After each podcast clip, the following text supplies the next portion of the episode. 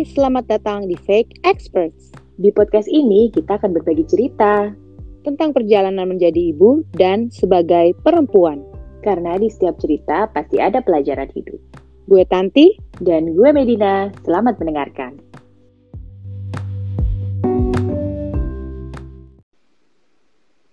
Hai, welcome back at Fake Experts. Hai semuanya, apa kabar? Semoga sehat selalu ya. Yes. Kita mau ngomongin eh, siapa yang lebih romantis, Uh, lo atau gue? ya kan? Bukan antara kita ya, antara kita dan pasangan kita masing-masing. Oh, iya iya iya iya. Ya kan? Soalnya kan eh, kalau romantis tuh di bayangan gue ya gitu. Menurut gue gitu, laki kayaknya harus lebih romantis gitu. Hmm. Bener gak sih? Eh, bisa, tapi bisa juga perempuan yang lebih romantis juga nggak apa-apa ya menurut gue. Tapi ini ya, hal paling romantis apa yang pernah eh, suami lo kasih buat lo? Hmm, Ada nggak? Kayaknya nggak ada. Apa ya? Tergantung sih kalau mau dibilang romantisnya seperti apa ya. Maksudnya kalau in terms of barang sih eh, mungkin kayak kado-kado ulang tahun gitu ya. Beberapa kado ulang tahun bisa dibilang romantis. Soalnya suami gue juga bukan tipe yang kayak ngasih bunga gitu sih nggak. Gue nggak pernah sih dapat bunga dari dia gitu. Atau kayak coklat gitu atau apa. Oh tenang, Iya, iya, iya. Jadi, Anda tidak sendiri Iya. ya kan? jadi tergantung definisi romantisnya. Kalau in terms of bunga, coklat, apalah yang romantis, em, apa stereotype stereotype romantis gitu ya, nggak pernah sih gue dapet. Tapi lo pernah mengharapkan gak sih kayak berekspektasi gitu bahwa ketika hari-hari spesial tertentu gitu lo mendapatkan eh, ya itu hal-hal yang romantis itu gitu. Oh ya pernah dong, pada masanya, ya kan? Lu pernah nggak? Ya terus ketika lo nggak dapet gimana tuh? Aku kecewa, tapi sekarang aku sudah eh, sudah menerima kenyataannya bahwa itu nggak akan pernah terjadi. Udah level menerima Iya, ya.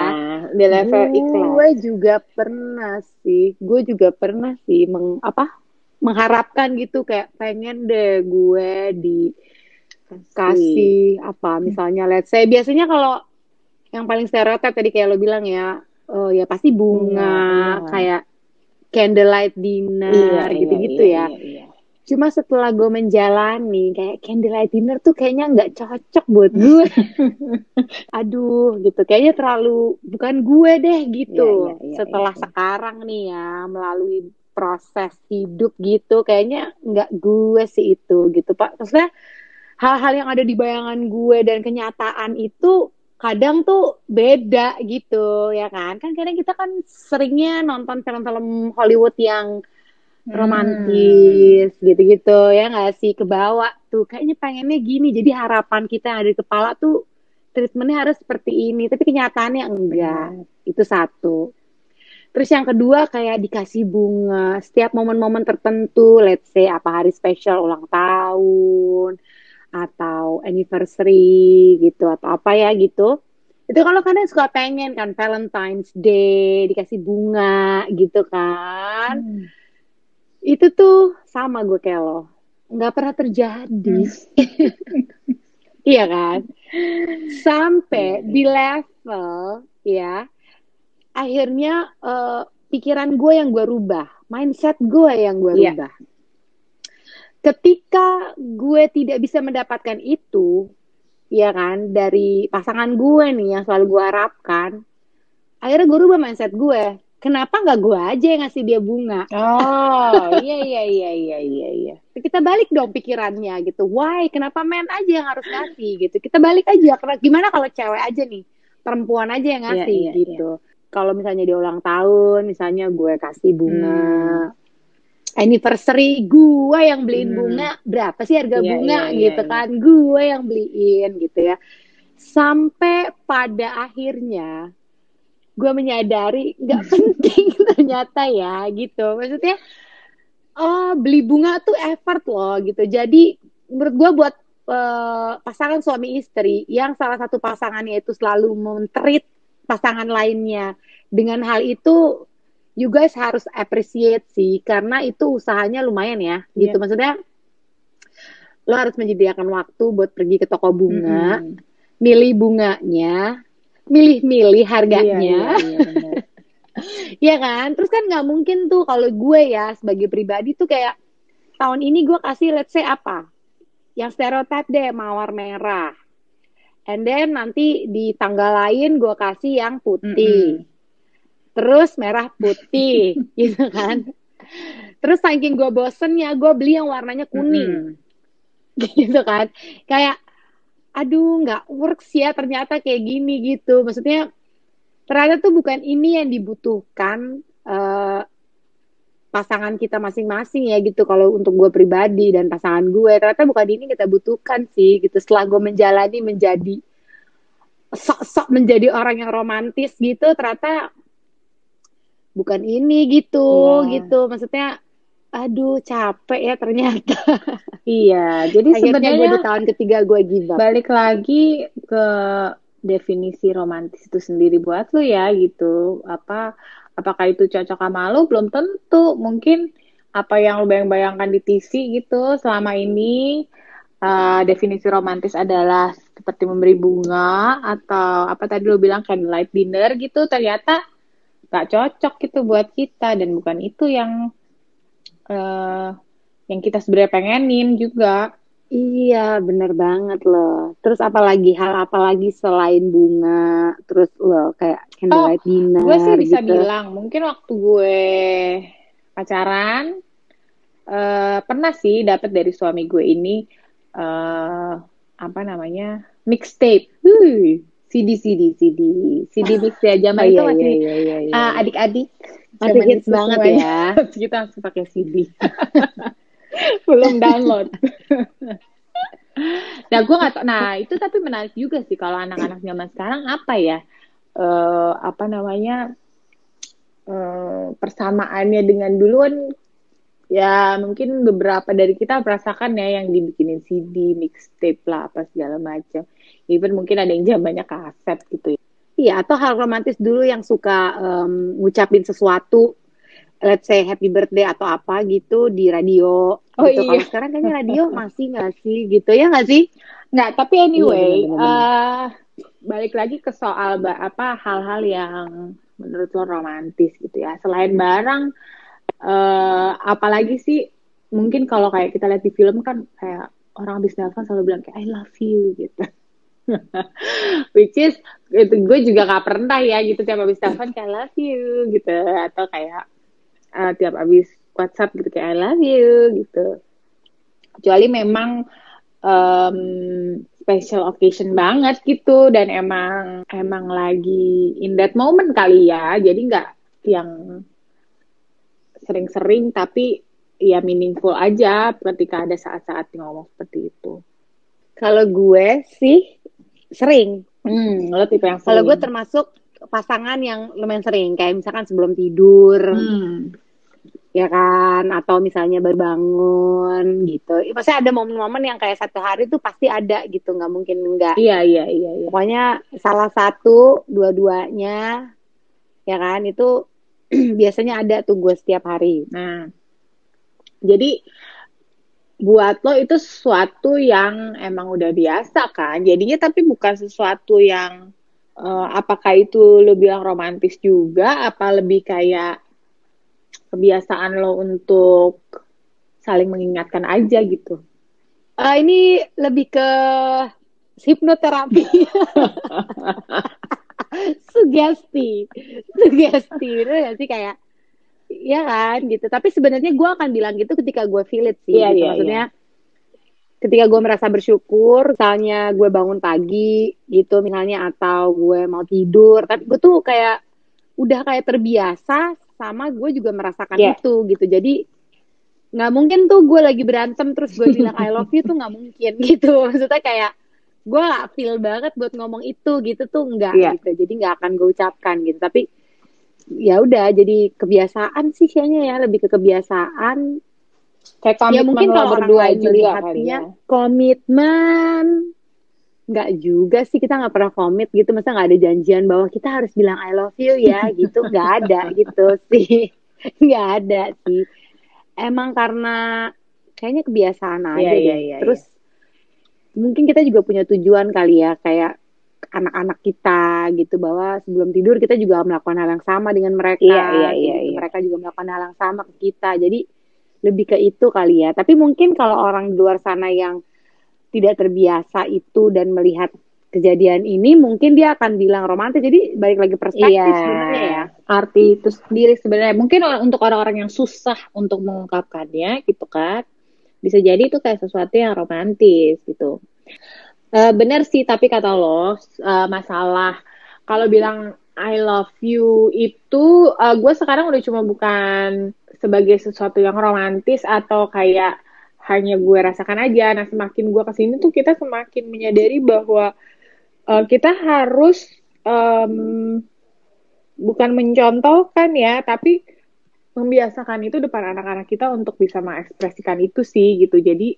mereka juga nantinya semoga akan terbiasa dengan hal-hal seperti itu dan bukan jadi sesuatu yang kayak eh, ih malu gitu atau eh, apa ya apa asing aja buat mereka gitu. Jadi memang tujuannya Iya, udah agak lebih luas dari itu dan sekarang mungkin gue juga lebih kita lebih sering ya dibanding dulu awal-awal nikah mungkin masih yang kayak karena nggak terbiasa juga gengsi. Semakin ke sini jadi sesuatu yang semakin terbiasa aja kita untuk untuk membahasakan itu. Itu kan tadi kalau kita lihat dari verbal ya yang kan? Bilang I love you udah gitu. Kalau misalnya kayak perwujudan kasih-kasih barang gitu misalnya kayak kasih bunga Hmm. atau kayak gitu-gitu. Tapi ya menurut gue juga romantis tuh kalau misalkan kayak gandengan tangan gitu ya kadang oh iya iya romantis iya, ya iya. gitu itu perspektif dari orang yang jarang digandeng Iya iya iya, sebenarnya macam-macam sih ya gitu. Apa kalau dirangkul doang, atau misalnya ada yang kayak em, orang yang selalu pergi pamit terus kayak dikecup kepalanya gitu kan. Ah, Oh, iya, itu iya, mungkin iya, untuk iya, sebagian iya. orang biasa aja. Mungkin untuk orang yang jarang itu bisa dibilang ih romantis banget gitu tiap keluar rumah misalnya gitu kan. Jadi memang em, menurut gue beda-beda sih ya gitu. Tapi kalau gandeng tangan di mall itu, itu ambigu menurut gue kenapa menurut lo ambigu? ambigu menurut gue kalau eh, lo digandeng tangannya di mall. Mungkin lo harus berpikir dua kali lo jangan gear dulu bahwa eh, pasangan lo tuh sayang sama lo. Dia tuh kayaknya lebih sayang sama kantongnya makanya lo digandeng terus supaya lo gak ke masuk ke toko-toko buat ngabisin duitnya. Oh iya iya iya bisa jadi bisa jadi. Jadi jangan GR dulu ya kan Iya, ternyata. Jadi kita harus bersyukur ya kalau kita ternyata jarang digandeng juga gitu. Berarti kita juga dipercaya ya sama suami kita. Iya, jadi gue ambil positifnya itu. Kenapa gue jarang digandeng? Karena dia membebaskan gue Iya iya iya. untuk eh, mengeksplor mallnya itu. Iya benar juga ya. Jadi kita harus melihat si baiknya ya dari semua itu. Jangan Iya, membanding-bandingkan, apalagi membanding-bandingkan Iya, pasangan benar. ya kan. Benar, setuju gue. Ngomong-ngomong soal romantisme nih Tan, ternyata dia berkaitan dengan love language. Lu tau gak sih ternyata ada lima tipe love language atau apa bahasa cinta kali ya bahasa Indonesianya. Maksudnya itu lebih ke bagaimana cara mengekspresikan cinta gitu. Iya, jadi eh, ternyata ada ber- ada berbagai kategori kita itu atau cara kita itu mengekspresikan kasih sayang kita. Jadi eh, dari Five Love Language ini oleh Gary Chapman itu bukunya Judulnya The Five Love Languages, The Secret to Love That Lasts. Dia bilang tuh ada lima. Yang pertama itu orang-orang yang mengekspresikan kasih sayangnya dengan kata-kata. Judulnya Words of Affirmation. Jadi afirmasi, ya kata-kata afirmasi. Jadi kayak tadi kita bahas soal orang yang suka ngomong I love you. Nah, itu adalah salah satu bentuk love language yang uh, termasuk dalam afirmasi tadi. Oke. Okay. Yang kedua itu love language-nya adalah quality time atau waktu yang berkualitas. Jadi mereka-mereka ini sangat menghargai uh, pasangannya ketika mereka memberikan perhatian penuh lah gitu dalam apa pun yang sedang mereka lakukan bersama entah itu dalam kegiatan uh, hobi bersama ataupun ketika ngobrol gitu. Love language yang ketiga itu adalah acts of service. Jadi ketika um, si pasangannya ini melakukan hal-hal yang sifatnya melayani si pasangannya atau spouse-nya gitu. Jadi dia pengennya tuh membuat hidup pasangan itu lebih mudah aja gitu dengan entah dia uh, menyiapkan semua kebutuhannya atau misalnya as simple as selalu bikinin kopi di pagi hari, uh, nyiapin sarapan, masak. Sounds familiar juga ya gitu dengan kita sehari-hari gak sih? Itu gue juga tuh Cuman kalau yang ketiga ini gue kurang oh, iya, iya konsisten. Iya, iya. Tapi kayaknya nggak perlu konsisten sih. Tapi ketika lo butuh, ketika lo merasa lo uh, bisa memberikan itu dan it makes you feel better sebagai pasangan deh kayaknya. Yang itu termasuk um, love language lo itu termasuk di acts of service. Tapi nyaru ya dengan keharusan dan sebenarnya ikhlas melakukan itu setiap hari. Nah, itu juga sih yang perlu di cross check ya. Apakah ini termasuk love language gue atau memang kewajiban yang harus gue lakukan? Tuntutan dari diri sendiri ya sebagai seorang ibu dan seorang istri gitu kan. Kemudian yang keempat itu adalah gifts atau hadiah-hadiah. Jadi ini ya obvious ya seperti yang kita bilang hmm. tadi ini yang um, stereotype cara apa menunjukkan kasih sayang lainnya ya. Jadi simbol simbol-simbol visual dari apa namanya rasa sayang lo itu dalam bentuk si hadiah-hadiah ini gitu.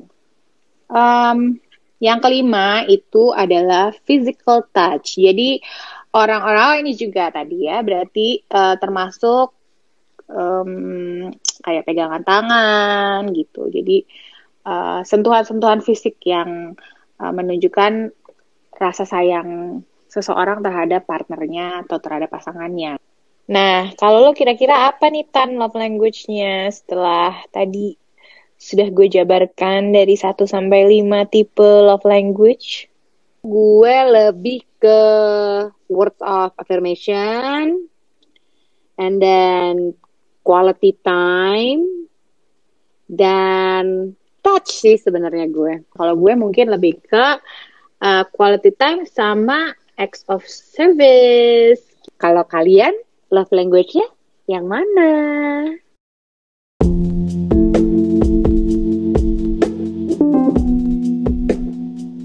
Please subscribe our podcast Fake Experts and follow our Instagram at fake.experts.